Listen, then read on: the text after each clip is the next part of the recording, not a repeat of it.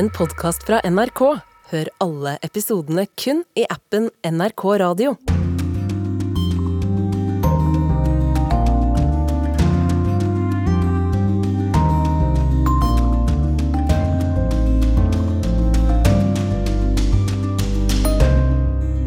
Prins Harry sier at han drepte 25 personer da han var soldat i Afghanistan.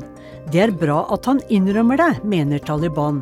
Nei, prinsen er illojal, mener Afghanistan-veteran. Hva gjør skistedene i Alpene når snøen og kulden uteblir? I Arizona er det i alle fall kaldt nok for alle som ligger nedfrosset i vente på bedre tider og gjenoppstandelse. Hva mister vi nordboere om vi ikke snakker sammen på våre egne språk? Hvem vet hvor mange flere dansk-norske ekteskap det kunne vært om ikke nordmenn kontant avslo danskenes forespørsel 'må jeg følge med', men det særdeles avvæpnede 'nei, nei, du må da slett ikke følge med'. Spør Joakim Reigstad i korrespondentbrevet. Du hører på Urix på lørdag, i studio Sissel Wold. Men først skal vi til Iran, eller rettere sagt til Storbritannia. For i dag, eh, i natt, har regimet i Iran henrettet den iransk-britiske statsborgeren Alireza Akbari. Akbari var tidligere viseforsvarsminister i Iran, men i 2019 ble han pågrepet og anklaget for å være spion for Storbritannia, og samme år ble han dømt til døden for spionasje. Storbritannia har oppfordret Iran om å stanse denne planlagte henrettelsen, men dette har altså ikke ført frem. Og korrespondent Gry Blekastad Almås, du er med oss fra London nå. Hva er det Alireza Akbari skal ha gjort? Nei, han var jo da anklaget og dømt for spionasje for å være en av Storbritannias viktigste spioner eh, i Iran, men sa selv eh, at han kom til Iran i 2019 på invitasjon fra en diplomat i forbindelse med samtaler om atomavtalen.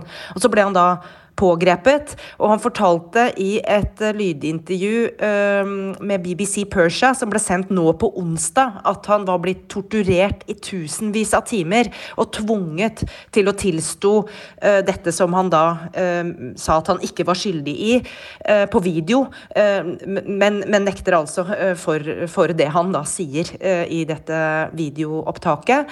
Eh, og onsdag eh, denne uka så skal familien hans ha fått besøk av ham en siste gang i fengselet for å ta farvel. Og så kommer altså meldingene nå om at han er blitt eh, henrettet ved henging.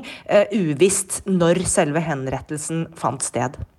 Og hva er reaksjonene fra London, fra den britiske regjeringen? Dette kommer ikke til å bli stående ubesvart, sier eh, James Cleverley, som er utenriksminister eh, her. Eh, han krevde jo tidligere i uka Akbaris løslatelse, noe han åpenbart da ikke ble hørt på. Og han har nå innkalt Irans topp diplomat i Storbritannia til Utenriksdepartementet. Men det har jo blitt et uh, dårligere forhold mellom Storbritannia og Iran uh, i forbindelse med opptøyene uh, i Iran, og den kritikken britene har kommet med mot moralpolitiet og iranske myndigheter i den forbindelse. Ja, Er det noe den britiske regjeringen kan reagere med, som biter på det iranske regimet, nå som iranerne er jo veldig isolert allerede? Ja, Det er jo det man nå venter på, å se hva slags svar britene vil komme eh, med. Eh, det, Storbritannia har jo allerede ilagt Iran sanksjoner eh, i forbindelse med disse opptøyene og demonstrasjonene og måten moralpolitiet har slått ned på dem på. Så spørsmålet er jo om ytterligere sanksjoner er riktig reaksjon, og, og hva slags effekt eventuelt de vil ha. Så vi vet jo også at Iran fra før har har truet eh, iransk-britiske journalister på britisk jord eh, med døden, eh, og at det er stor sikkerhet rundt eh, iranske journalister her i landet, fordi britisk politi mener at det kan være iranske drapsgrupper på britisk jord som også vil ta livet av folk her. Så akkurat hva slags reaksjon britene kan komme med og, og kommer med, det må vi nesten bare vente og se. Takk til deg, Gry Blekastad Almås fra London.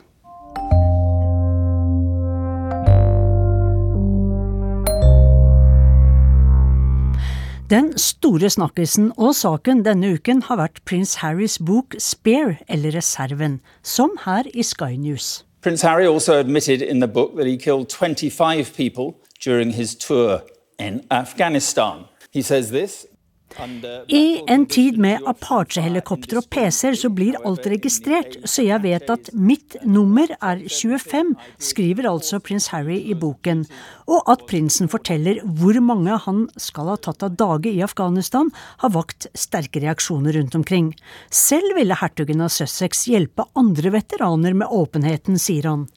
And my whole goal and my attempt with sharing that detail is to reduce the number of suicides. Målet mitt med å dele denne detaljen er å forhindre selvmord, sa Harry, eh, sa Harry, hos Stephen Colbert denne uken. Men meningene om dette er altså delte, forteller også korrespondent Yama Wolasmal, som dekker Afghanistan. Altså Taliban-bevegelsen er både opprørt og på en måte glad over innrømmelsen til eh, prins Harry. De er opprørt fordi de mener at eh, han med denne innrømmelsen beviser at han er en krigsforbryter. Eh, de mener at Den internasjonale straffedomstolen i Haag bør stille ham for retten for drapene han erkjenner å ha begått fra Apache-kamphelikopteret som han opererte. Eh, og de er glad for, eh, fordi de mener at hans uttalelser viser egentlig hvordan vestlige styrker gjennom 20 år drepte tusenvis av afghanere med militærmaskineriet sitt uten å ta ansvar for det. Jeg har sett flere Taliban-talsmenn si at prins Harrys uttalelser viser Vestens sanne ansikt og deres sanne motiv i Afghanistan. Så det prinsen sier eller skriver i boka, passer rett inn egentlig i det narrativet som Taliban har prøvd å skape i alle år, om at Vesten kom til Afghanistan med onde, med blodige hensikter. Ja, for prins Harry skriver også at han ikke skammer seg over dette, og at han så på dem han drepte som sjakkbrikker i et spill. Og men har du fanget opp reaksjoner fra andre afghanere? Altså denne Prinsens eh, kontroversielle måte å omtale de døde afghanerne på som, som, sjakkbrikker, som du nevner, akkurat det har falt veldig mange tungt for brystet. Eh, reaksjonene er spesielt sterke i Helman-provinsen i Sør-Afghanistan. Dette er provinsen som britene hadde sikkerhetsansvar for i mange år. Det var her prins Harry tjenestegjorde, eh, og, og distriktene i Helman har sett noen av de verste, mest dødelige kampene mellom vestlige styrker og Taliban gjennom 20 år. Her har tusenvis av sivile blitt blitt drept i trefninger eh, både mellom britiske styrker, afghanske styrker og Taliban, som selv sto bak utallige selvmord, selvmordsaksjoner. Eh, og beboere sier eh, nå at overgrepene og krigsforbrytelsene i Helmand aldri har blitt erkjent av vestlige styrker, og at prinsens uttalelser er på en måte det nærmeste de kommer en slags erkjennelse om det som skjedde i provinsen deres. Vil familier i Afghanistan som har mistet sine i 2012, Eh, ønske å hevne seg, tror du, eller forfølge dette? Jeg tror det er lite sannsynlig. Um, afghansk Taliban har selv aldri gjennomført uh, angrep utenfor Afghanistans grenser. Uh, og Derfor tror jeg det er lite sannsynlig at de skal planlegge et angrep på prinsen, selv om han innrømmer og snakker om å ha drept 25 av deres kamerater. Uh, men, men, det er jo en grunn til at vestlige styrker sjelden snakker, eller man i militæret sjelden snakker om antall mennesker soldatene deres dreper. Når man ser tilbake på den norske pressedekningen av Afghanistan gjennom 20 år, så kunne man jo nesten få inntrykk av at norske soldater som holdt til i Afghanistan i over 15 år, aldri drepte noen. At man nærmest delte ut blomster og bistand og mat alle de årene vi var stasjonert der. Det er jo fordi man ikke ønsker å gjøre seg selv til, eh, til en måleskive for eh, motstanderen, og ikke skyve vekk folk flest og tape kampen hjert om hjerter og sinn, som det heter i militæret. Eh, så sånn sett utsetter jo prinsen seg selv for en sikkerhetsrisiko. Om ikke fra Taliban, så kanskje fra noen som sympatiserer med dem og fra Yama Wolasmal til en som tjenestegjorde i Afghanistan. Major Jan Inge Hansen har jobbet med Norges tilstedeværelse i landet i hele den perioden Norge hadde styrker i Afghanistan, og han har selv tjenestegjort i landet i 2010 og 2011. Så hva synes Jan Inge Hansen om prinsens åpenhet? Jeg syns det, det, er veldig veldig spesielt. Det handler jo også om, om, kontekst. Dette er jo i en, etter mitt syn en kommersiell sammenheng og lansering av ei bok. og Det er veldig spesielt å uttale seg om sånne ting på den måten. Fordi eh, det kan gå utover de han tjenestegjorde sammen med også? Ja, jeg tenker jo sånn at uh, Når du har vært der nede, så har du vært en del av et team. Du har ikke vært der alene. Du har vært en del av noe større, og du har vært der på vegne av din nasjon, ditt land. Og Da blir det veldig uh, særegent å sette seg sjøl i en sånn situasjon, og til dels illojalt, syns jeg, mot de du har tjenestegjort i lag med. Men i din tropp snakket dere om hvem dere hadde tatt livet av, om dere hadde tatt livet av noen? Altså, når du gjennomfører en debrief etter et oppdrag, så er det naturlig å gå gjennom alle steg i et oppdrag. og Da kommer du også til det punktet der det er utløst ild, eller du har kalt inn på ild via fly eller annet. Og Da kommer man innom sånne tema, men man går jo gjennom det for å forsikre seg om at man har gjort alle ting riktig, at man har læringspunkt, og at man bearbeider hendelser. Så det er en ganske seriøs prosess og en ganske strukturert prosess å gå gjennom sånne ting. Det er jo mange som mener at det kan være risikabelt for prins Harry å snakke om dette. Hvorfor tror du det kan være risikabelt? Eh, du eksponerer deg jo på en eh, veldig åpen måte om hva du har gjort. og Så må vi bare erkjenne at i konflikter så er det flere parter. og det er nok ikke alle parter som vil anerkjenne det prins Harry eller andre soldater har gjort nede i Afghanistan. Så du blir jo eksponert, og du kan bli utsatt for trusler og du kan bli utsatt for angrep med å stå frem på den måten. Så det er åpenbart en risiko å gjøre det han gjør. Noen kan ønske hevn? Ja, det skal man selvfølgelig ikke utelukke. I Genévekonvensjonen, altså folkeretten i krig og fred, så skal man behandle eh, fienden etter visse normer. Er det noe av dette også prins Harry har brutt? Han er i hvert fall helt i, i, i, grenseland, fordi at det også på en måte kommersielt skryte av at man har drept sine motstandere. Det er også en måte å nedverdige motstanderne på. og Det skal man være forsiktig i henhold til som du sier, Genévekonvensjonen. Man skal opptre på en god måte, også i vanskelige situasjoner. Nå sier prins Harry i flere intervjuer at han ikke vil skryte av dette, men at han snakker om at han har drept for å hjelpe andre Afghanistan-veteraner med å bearbeide traumer og kanskje mareritt om natten, eh, ting de sliter med. Men eh, vil denne åpenheten hans hindre andre i å ta selvmord, som han mener at han eh, nå vil bidra til å forhindre? Det er jo selvfølgelig veldig, veldig vanskelig å, å sette det han sier opp imot eh, hvordan man støtter andre Afghanistan-veteraner, hvordan man eventuelt hindrer at de tar selvmord. Eh, jeg tror det aller viktigste er at det forsvaret de kommer ifra, det landet de kommer ifra, har et system for å fange opp de som har traumer. I Norge så har vi jo ett år med etteroppfølging av Eh, soldater som har vært i Afghanistan eh, fra de kommer hjem og, og ett år fremover. Og, eh, der er det jo et helt strukturert som jeg var inne på i sted, strukturert system for å debrife, ivareta og kunne følge opp. Og vi har også et system etter det året der Forsvaret mer slipper dem ut i, i, samfunnet. Så selvfølgelig, åpenhet, det å prate om det, det å være i lag med profesjonelle folk som kan hjelpe deg, det å være i lag med kollegaene dine som var i samme situasjon, det hjelper. Og så hjelper det oppfølging. Og Jeg skal ikke spekulere i om prins Harrys åpenhet vil være det som hjelper mest, men jeg har mer tro på det vi driver på med i Norge, enn den typen åpenhet han forfekter her. Ja, det sa Afghanistan-veteran major Jan Inge Hansen. I USA frydet mange seg da de fikk en ekte amerikansk prinsesse i 2018. Og nå er som, sagt, nå er som kjent USA blitt hjemlandet til Harry og Meghan. Noen skjønner godt at paret velger å snakke ut om Afghanistan og rasisme, mens andre har gått lei. Kollega Tove Bjørgaas er i sørstaten Nord-Carolina. You think it's great that they're being so open about oh, their yes. story? Oh, absolutely. Because I think, especially even now in this generation, we value authenticity. Jeg synes det er supert at de er så åpne. Min generasjon setter pris på at folk er ekte. Og du fikser ikke ting i livet om du ikke snakker sant om dem, sier Tasha Myers. Jeg har stoppet henne tilfeldig på gata i Greensboro i Nord-Carolina. Og hun er begeistret når jeg vil spørre om Harry og Meghan. Tasha er afrikansk-amerikansk i slutten av 30-årene og har svære åttekantede briller med leopardmønster. I, I and, and Vi er altså i Greensboro, en ganske stor by i sørstaten Nord-Carolina. Her finnes det en stolt historie blant mange unge, svarte studenter og akademikere, slik som Tasha er. Four college freshmen, all Negroes, were refused service at a Greensboro, North Carolina lunch counter.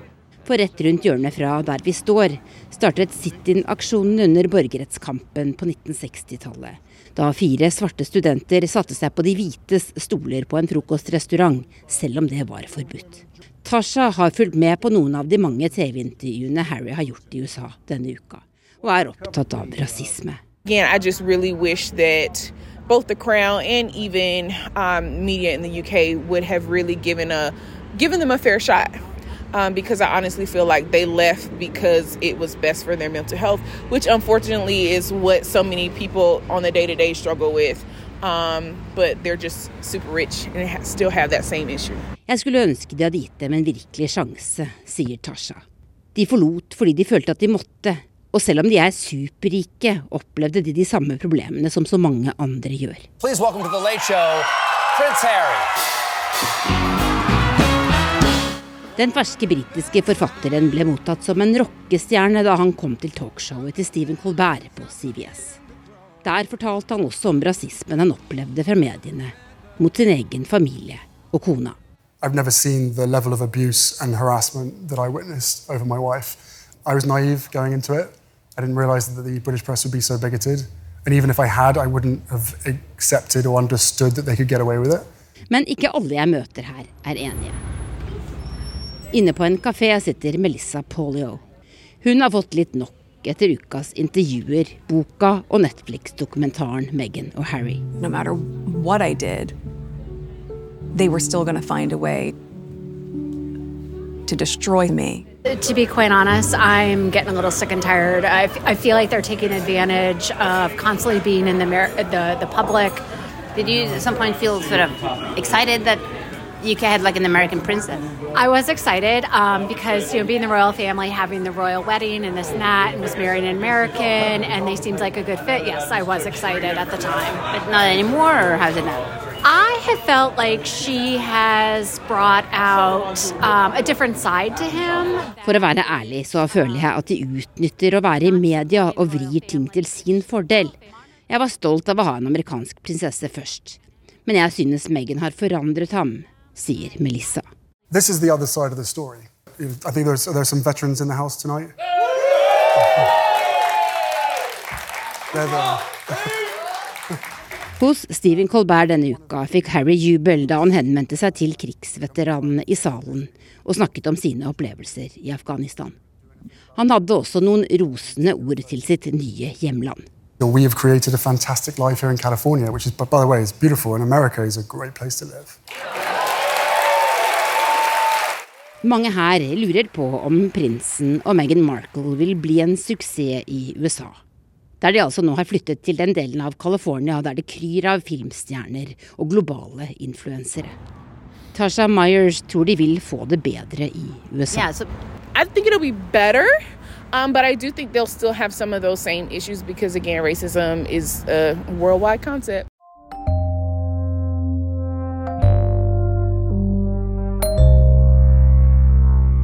Brasil har opplevd noen av sine mest dramatiske dager i landets nyere historie. Etter stormen mot Kongressen og andre bygninger sist søndag er rundt 1500 Bolsonaro-tilhengere arrestert, og fremtiden for tidligere president Bolsonaro er høyst usikker. Reporter Arnt Stefansen rapporterer fra hovedstaden Brasilia.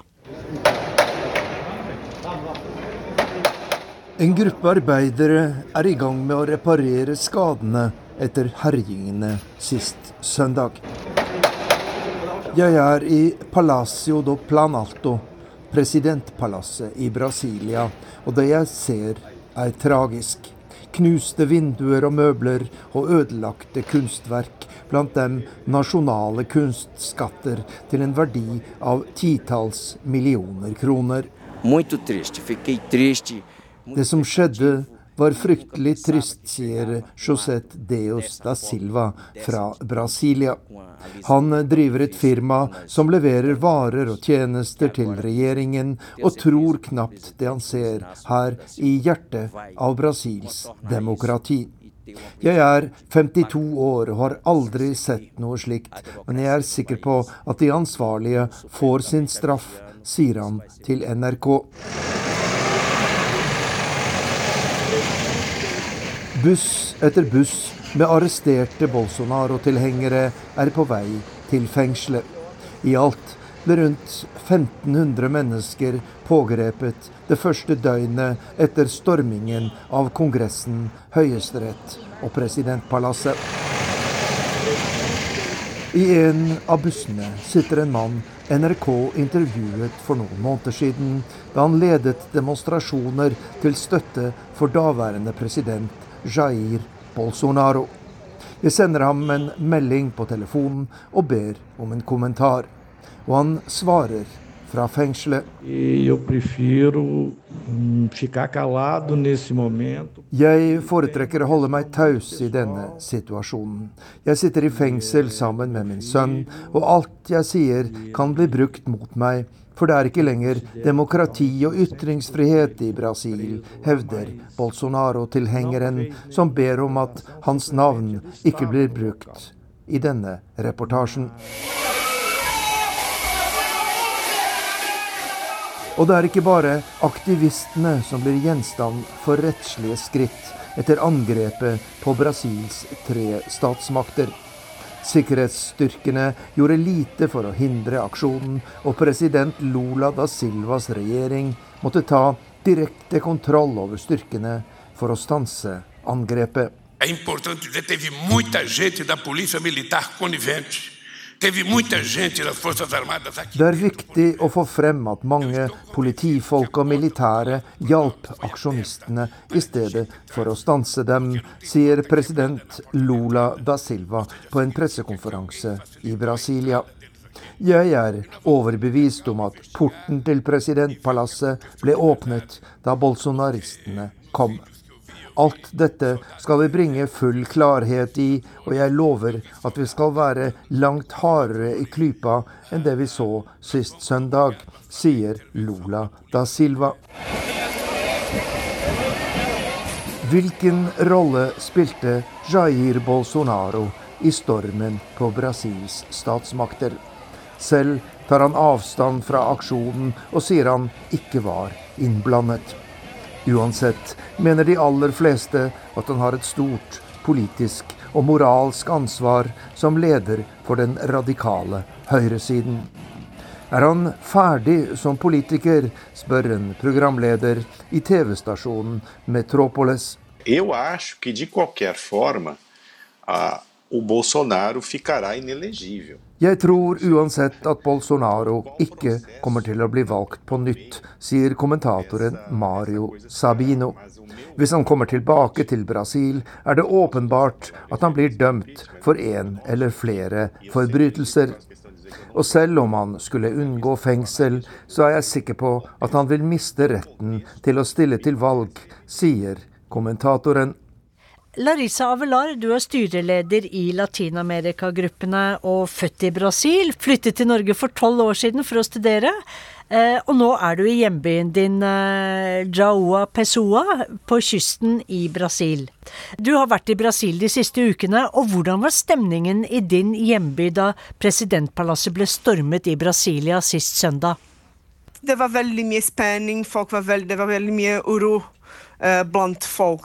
Og du hadde jo tenkt å gå på stranden, men eh, du ble raskt sittende og følge med på sosiale medier og på nyhetskanalene.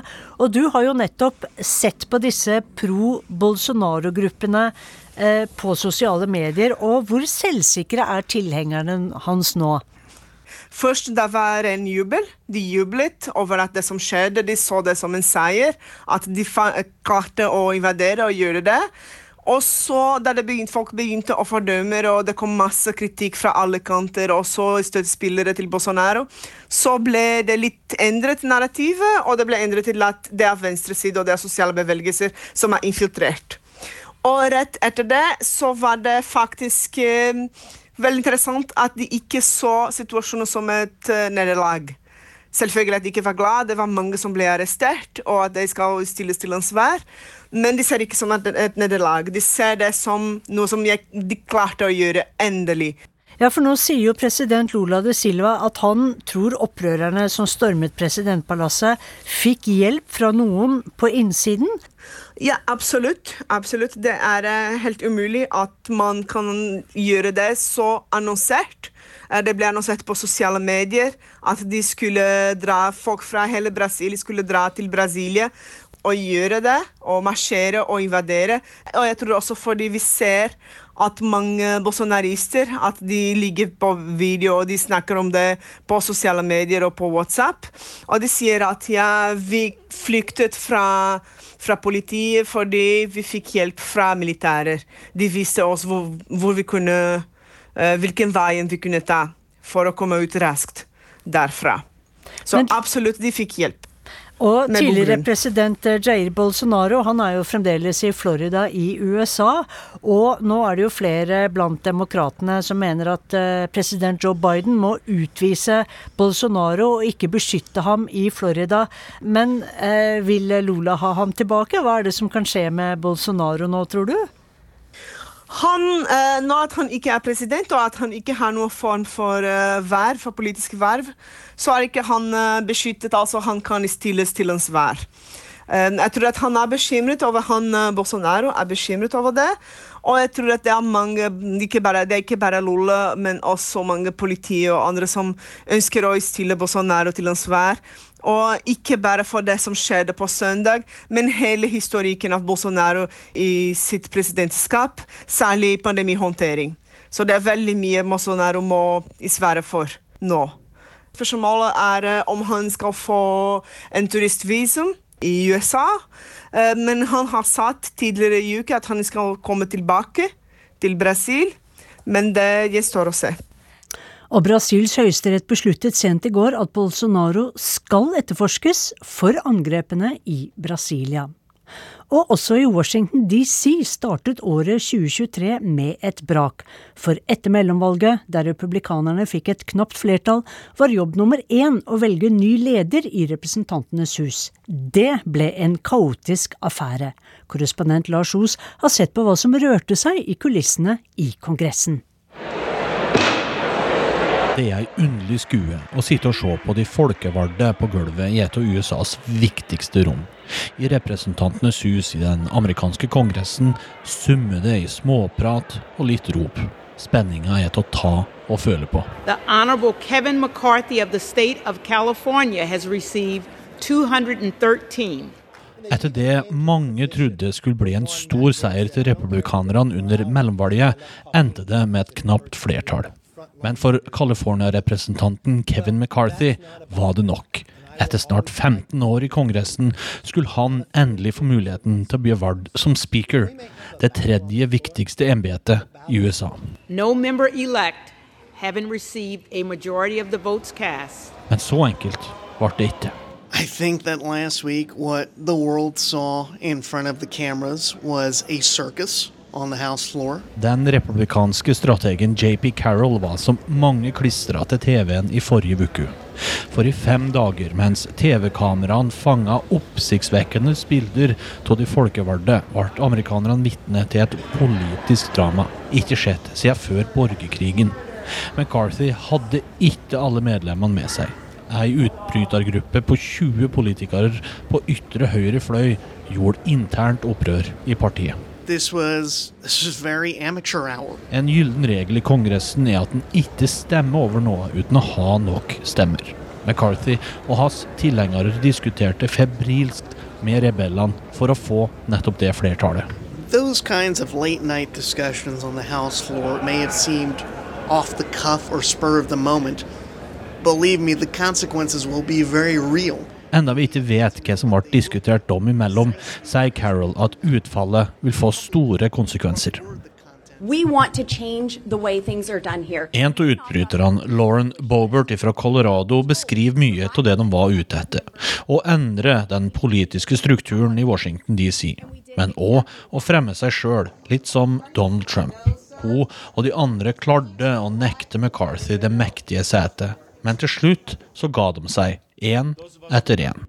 the Honorable Kevin McCarthy of the state of California is duly elected Speaker of the House of Representatives. Det spekuleres nå i at McCarthy måtte inngå flere hestehandler for å sikre seg stemmen. There are some deeply unserious people that unfortunately are in Congress at the moment. Carol mener både Bobert og andre politikere er ordskikka til å holde sete i Kongressen, nettopp fordi at de skapte så mye kaos.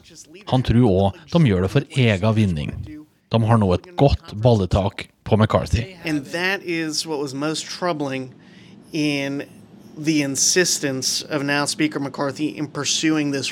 Valget av speaker setter nå presedens for hvordan politikken vil bli styrt i Representantenes hus, mener Carol. For at McCarthy og republikanerne skal få flertall for sine saker, må de ha med seg alle. Every vote counts. And so that very much empowers. For det kommende budsjettet kan bli et problem. Carol er ikke bekymra for demokratene, men at de 20 representantene på høyrefløyen kan blokkere pengebruken, spesielt ut i verden. Noe han mener vil skade USAs forhold til andre land. All entities that are very much the public face of the U.S. government abroad, whether it's aid workers, diplomats, civil servants, that all depends on what type of a budget the House wants to come up with.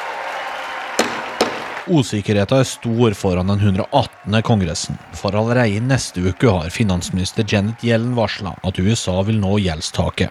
Den er politisk styrt, og utbryterne har allerede signalisert at de vil nekte å heve den. Det kan se ut som at både McCarthy og Kongressen for øvrig vil få nok å gjøre i tida som kommer. Kevin McCarthy.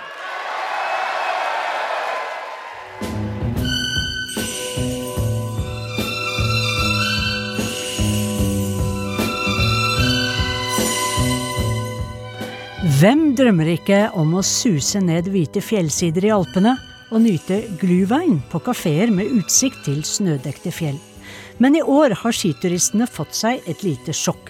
De ser bakker med sørpe omringet av vårgrønne fjell. Korrespondent Simen Ekern har tatt temperaturen på skiturismen i Italia nå.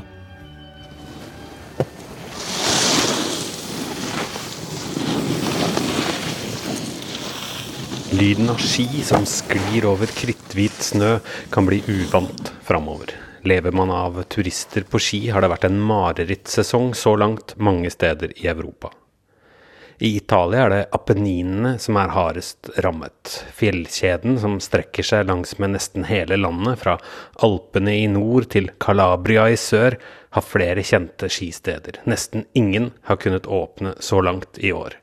Tapene for de som driver skiheiser, hoteller og kafeer i området, er allerede oppe i 50 millioner euro, ifølge myndighetene. È un peccato perché avevamo prenotazioni che rendevano tutte le piste eh, abruzzesi sold out. Eh, Det er temmelig fortvilende. Vi var utsolgt mange steder, men så kom avbestillingene. Det er klart, er det ikke snø der man skal på skiferie, kansellerer folk sier Daniele Damario. Vi er hos Italias turistminister som har innkalt til krisemøte. Apenninene uten snø, står det på møteinnkallelsen. Og Daniele Damario er en av mange representanter for regionene som rammes av den varme starten på vinteren, som er til stede sammen med interesseorganisasjoner for hotellnæringen og for regionens skiinstruktører. I Damarios region, Abruzzo, er inntektene halvert i år. Nå skal de få støtte og kompensasjoner for å overleve, lover turistministeren Daniela Santanché, som kommer gående mot oss i gangen. Sì, quest'anno tantissimo, stranamente. L'unico paese Har dere snø i Norge nå, spør hun, og NRK må jo svare bekreftende på det. Det er det altså ikke i Apenninene, så nå skal områdene som er vant til turister få hjelp. Litt som støtten under covid. Det er en bitter påminnelse for regionen, for under covid var det ingen turister, men masse snø, forklarer ministeren. Noe av det deltakerne på møtet ber om, og som regjeringen er positiv til, er støtte til mer moderne kunstsnøanlegg som kan lage snø også når gradestokken er over null. Italienske miljøorganisasjoner mener det er en hårreisende idé, ettersom energibruken bidrar ytterligere til den globale oppvarmingen, samtidig som vannet som brukes også er mangelvare i mange fjellområder.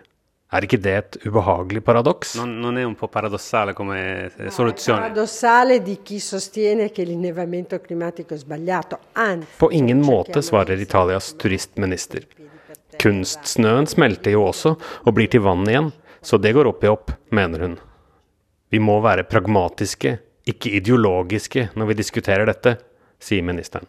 Også presidenten for regionen Toskana mener det fortsatt går an å håpe på flere skivintre i området. In hanno fatto la dello sci in Italia, soprattutto l'Abetone. Det er, prima som han sier, tross alt her både Italias første gullvinner i utfor i OL i Oslo i 1952, og legenden Alberto Tomba kommer fra. Men at man må tenke nytt, er det ingen tvil om. E tutti i percorsi e itinerari che possono offrire un'alternativa allo sci. Quindi Skøytebaner, e nye stier for sykling og fotturer, der folk kan benytte seg av noen av de samme heisene og anleggene som står der og venter på at snøen skal komme, er en av ideene. Samtidig ligger det fortsatt håp i langtidsvarslene om mulige kommende snøfall. I alle fall denne vinteren.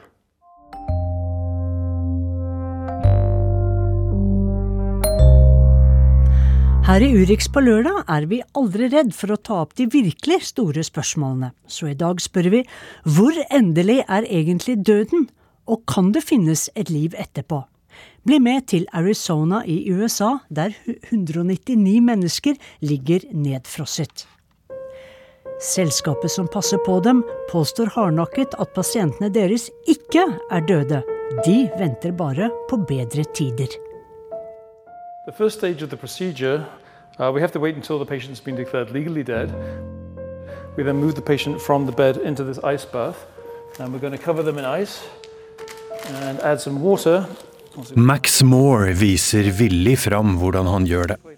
Soveposen han legger en menneskekropp ned i, fylles opp med is og vann, og ser ikke helt ut som en vanlig sovepose. Men her kan det jo også hende at noen skal sove i 100 år. and a respirator. Et apparat for kunstig åndedrett blir satt inn, før den avdøde, unnskyld, pasienten, får sitt hvilested i en aluminiumstank fylt med flytende nitrogen.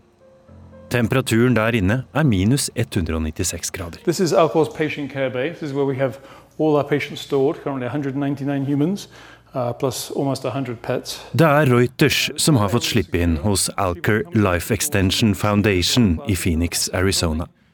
Akkurat nå ligger det 199 mennesker og rundt 100 kjæledyr på is her inne. Og hva er så egentlig ideen bak det hele? Vi kommer til stedet hvor hvor doctors i dag har gitt opp. today's medisin og teknologi ikke er sufficient til å holde deg But Vi kommer inn på det stadiet der legevitenskapen av i dag ikke har noe mer å bidra med. Og da sier vi at man ikke bare skal gjøre kål på pasienten, men gi dem til oss. Og så skal vi hindre dem i å bli verre, og passe på dem, helt til teknologien har kommet så langt at de kan få komme tilbake til verden og leve videre, sier Max Moore, som er tidligere administrerende direktør i Stiftelsen for livsforlengelse. Det høres kanskje ut som science fiction, men selskapet feira faktisk 50-årsjubileum i fjor, og blir fortsatt beskyldt for både kvakksalveri og pseudovitenskap. the only group that you really see getting excited about the possibility are people who are sort of people who specialize in studying the distant future or people who have a stake in wanting you to pay the money to do it. Jeg ser ingen andre enn fjerne framtidsforskere og folk med penger å tjene som har trua på dette. Det er ingen fysiologer eller hjerneforskere som stiller seg i kø her, sier Arthur Kaplan, som er professor i bioetikk ved Universitetet i New York. it it's almost like what you'd be thinking about in a college dormitory discussion. If I could just freeze myself and then defrost myself, kind of like a bag of peas, and wind up way in the future, wouldn't that be cool? Han sammenligner det som på medisinsk kalles kryonisering, nedfrysing av mennesker, med gutteromsfantasier om hvor kult det ville være å våkne opp igjen en gang i framtida.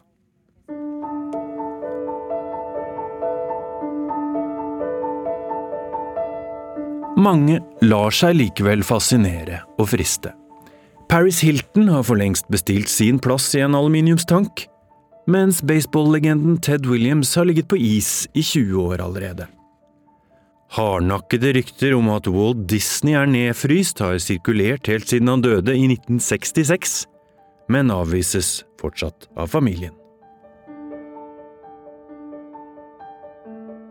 And these are some of the lives we're trying to preserve. Uh, the one in the middle is uh, by far our youngest patient, not quite three years old.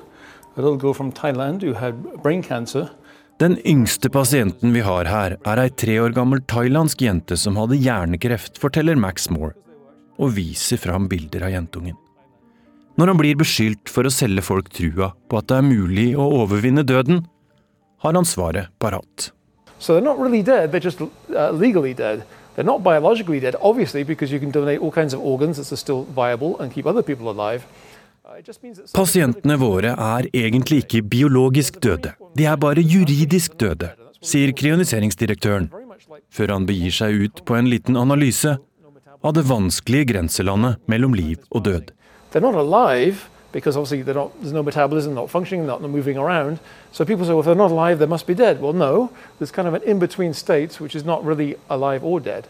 Uh, you know, by, by kind of a crude analogy, you have daytime and you have nighttime. Uh, but you also have twilight in between because they kind of shade into one another. So, in our view, uh, dying is a process, and cryonics stops that process. It puts dying on a pause and lets you go into the future where we have greater capabilities to reverse that and bring you back to life.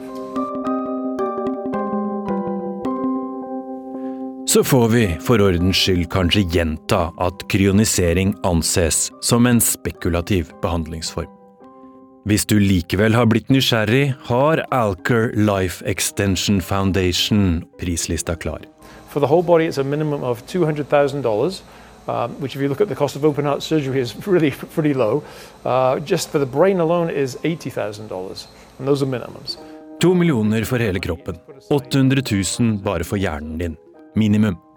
Men det er jo egentlig ikke så dyrt om du sammenligner med prisen for en hjerteoperasjon, mener Max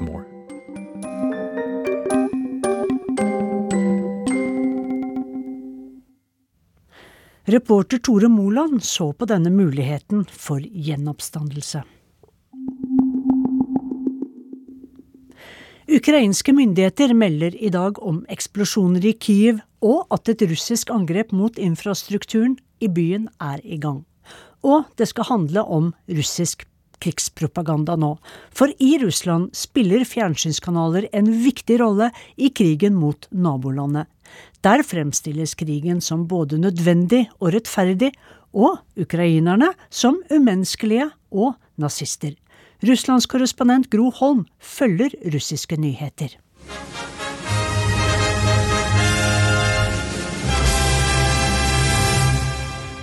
Главная судьба России. Защита Родины – это наш священный долг перед предками и потомками – det er Russlands framtid som betyr aller mest. Å forsvare vårt moderland er en hellig plikt overfor våre forfedre og etterkommere.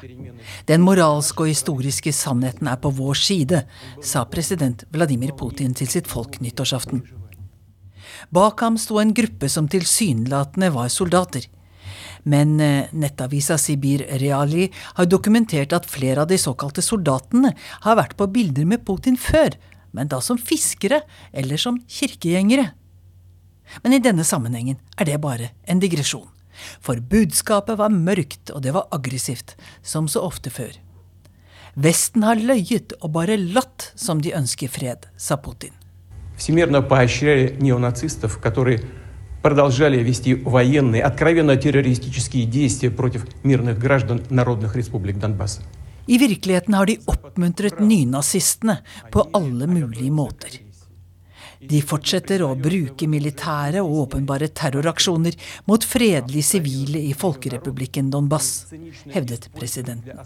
Men mange russere vet gjennom slekt og venner i Ukraina at det store, store flertallet slett ikke er nazister eller nynazister. Derfor hamres budskapet inn gjennom dokumentarer, nyheter og prateshow, nemlig det går en rød tråd fra Hitlers nazisme til dagens ukrainske politikere og soldater. Virus сегодня свирепствует на Украине, пожирая неокрепшие души. Nazismens virus herjer i dag i Ukraina, rammer svake sjeler. Se vår dokumentar 'Ukraina vanlig nazisme', sier dokumentarfilmskaper og journalist Arkadij Mamontov. Flere ganger vises historiske klipp med tyske nazister på halvparten av skjermen, og ferske klipp med høyreorienterte ukrainere på den andre.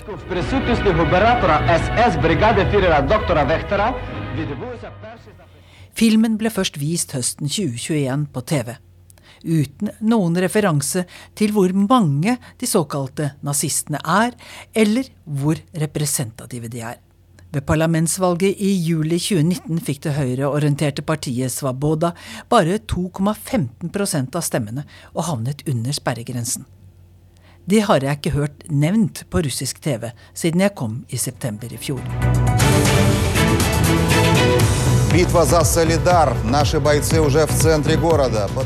Russiske nyheter er tett på krigen. Kanalen Rosia Adin er med soldatene når det skytes med tungt artilleri, og journalistene er i skyttergravene. Soldatene er klare på hvem fienden er.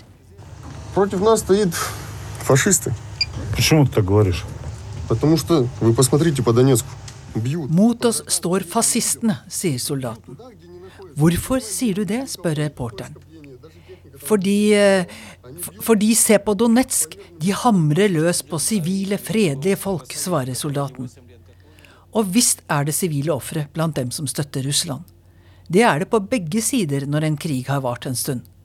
Men russisk fjernsyn holder fast ved at likene i Butsjas gater var iscenesatt av Ukraina, og at sivile blir unødvendig ofret fordi den ukrainske ledelsen ikke forstår at den er sjanseløs mot Russland. Og bak det hele står Vesten. А Украину и ее народ они цинично используют для ослабления и раскола России. Ukraina og dess folk blir kynisk brukt for å svekke og splitte Russland, sier president Putin og talkshow-vertene på TV.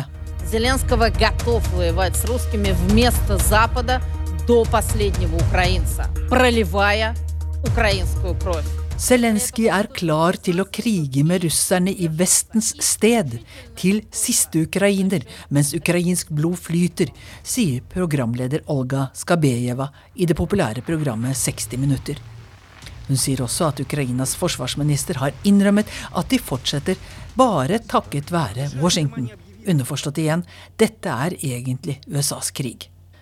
Det var et par dager i fjor høst hvor kritiske røster slapp til på russisk TV. Det virker lenge siden. Til gjengjeld får folk et litt ærligere bilde av krigens brutalitet inn i stua hver dag, ofte tett på.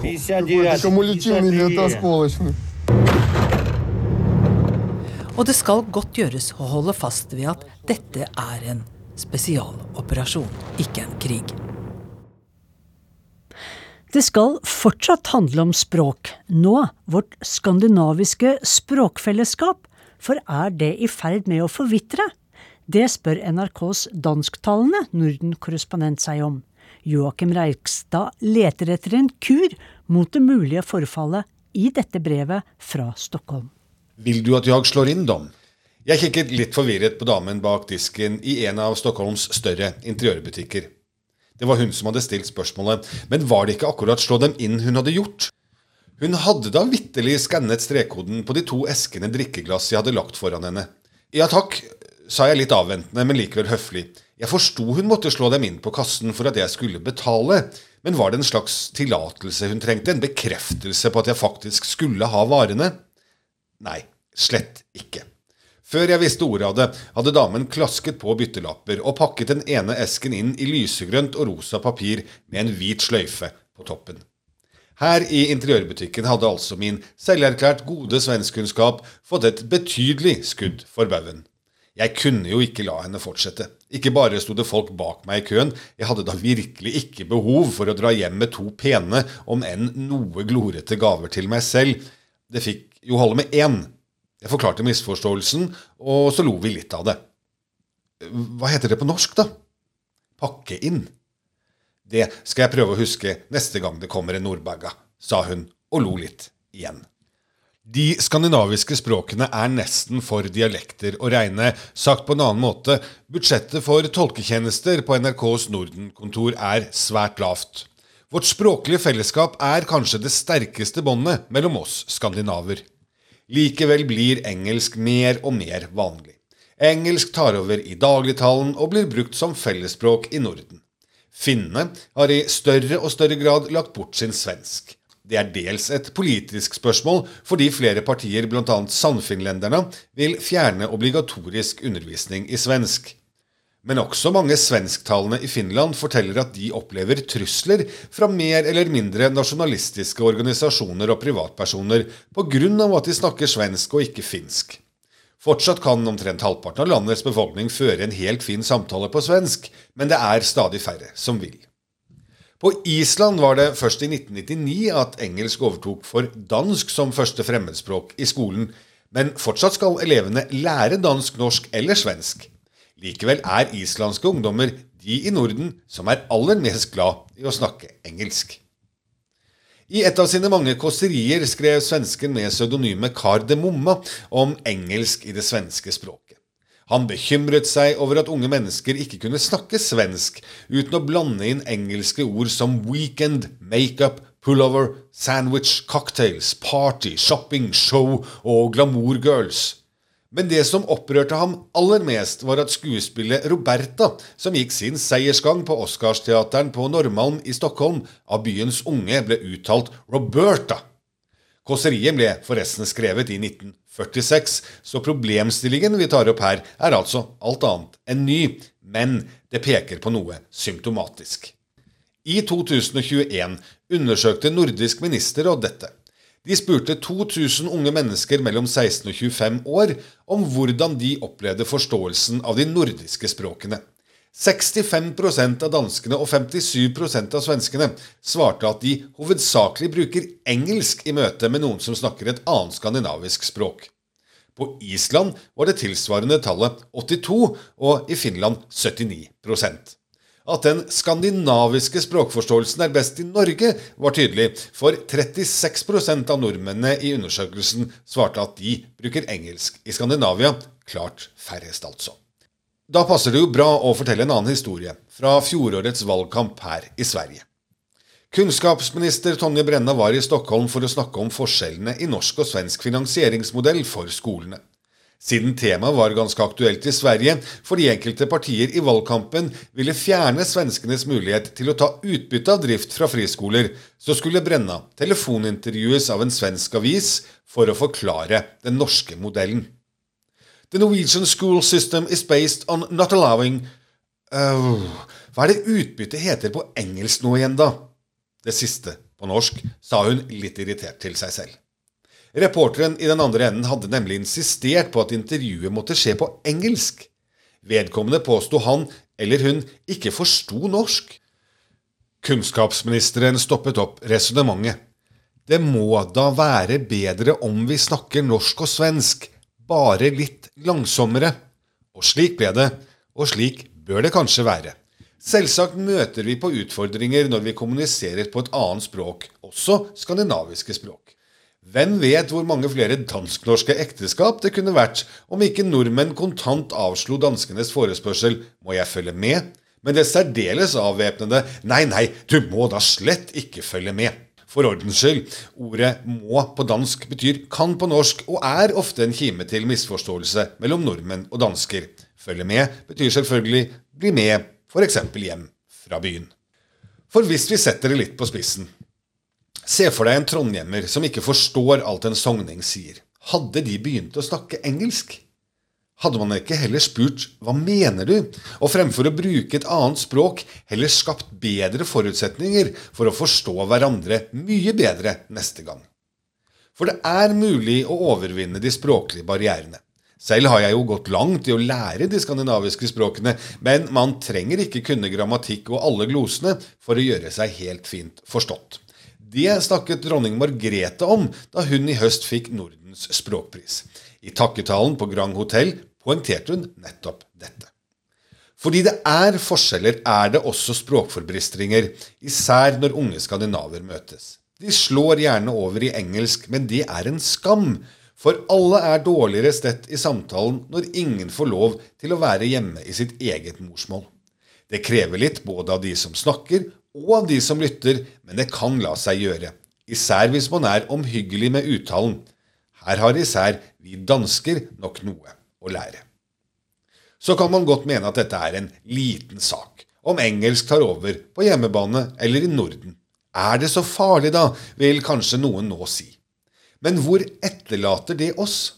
Dette hjørnet av verden som de nordiske statsministrene tilbake i 2019 tok mål av seg skulle bli verdens mest integrerte region innen 2030.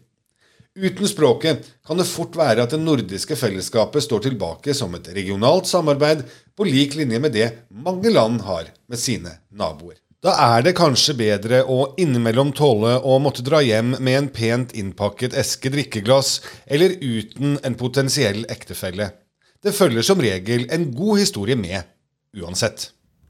Og med en oppfordring om å ikke snakke engelsk med svensker og dansker, takker Urix på lørdag for seg og ønsker en god helg.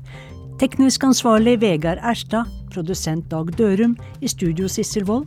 Og sendingene våre kan du også høre som podkast i appen NRK Radio.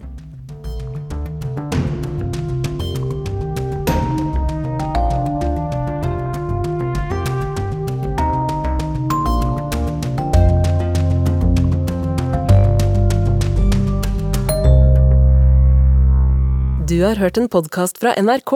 Hør alle episodene kun i appen NRK Radio.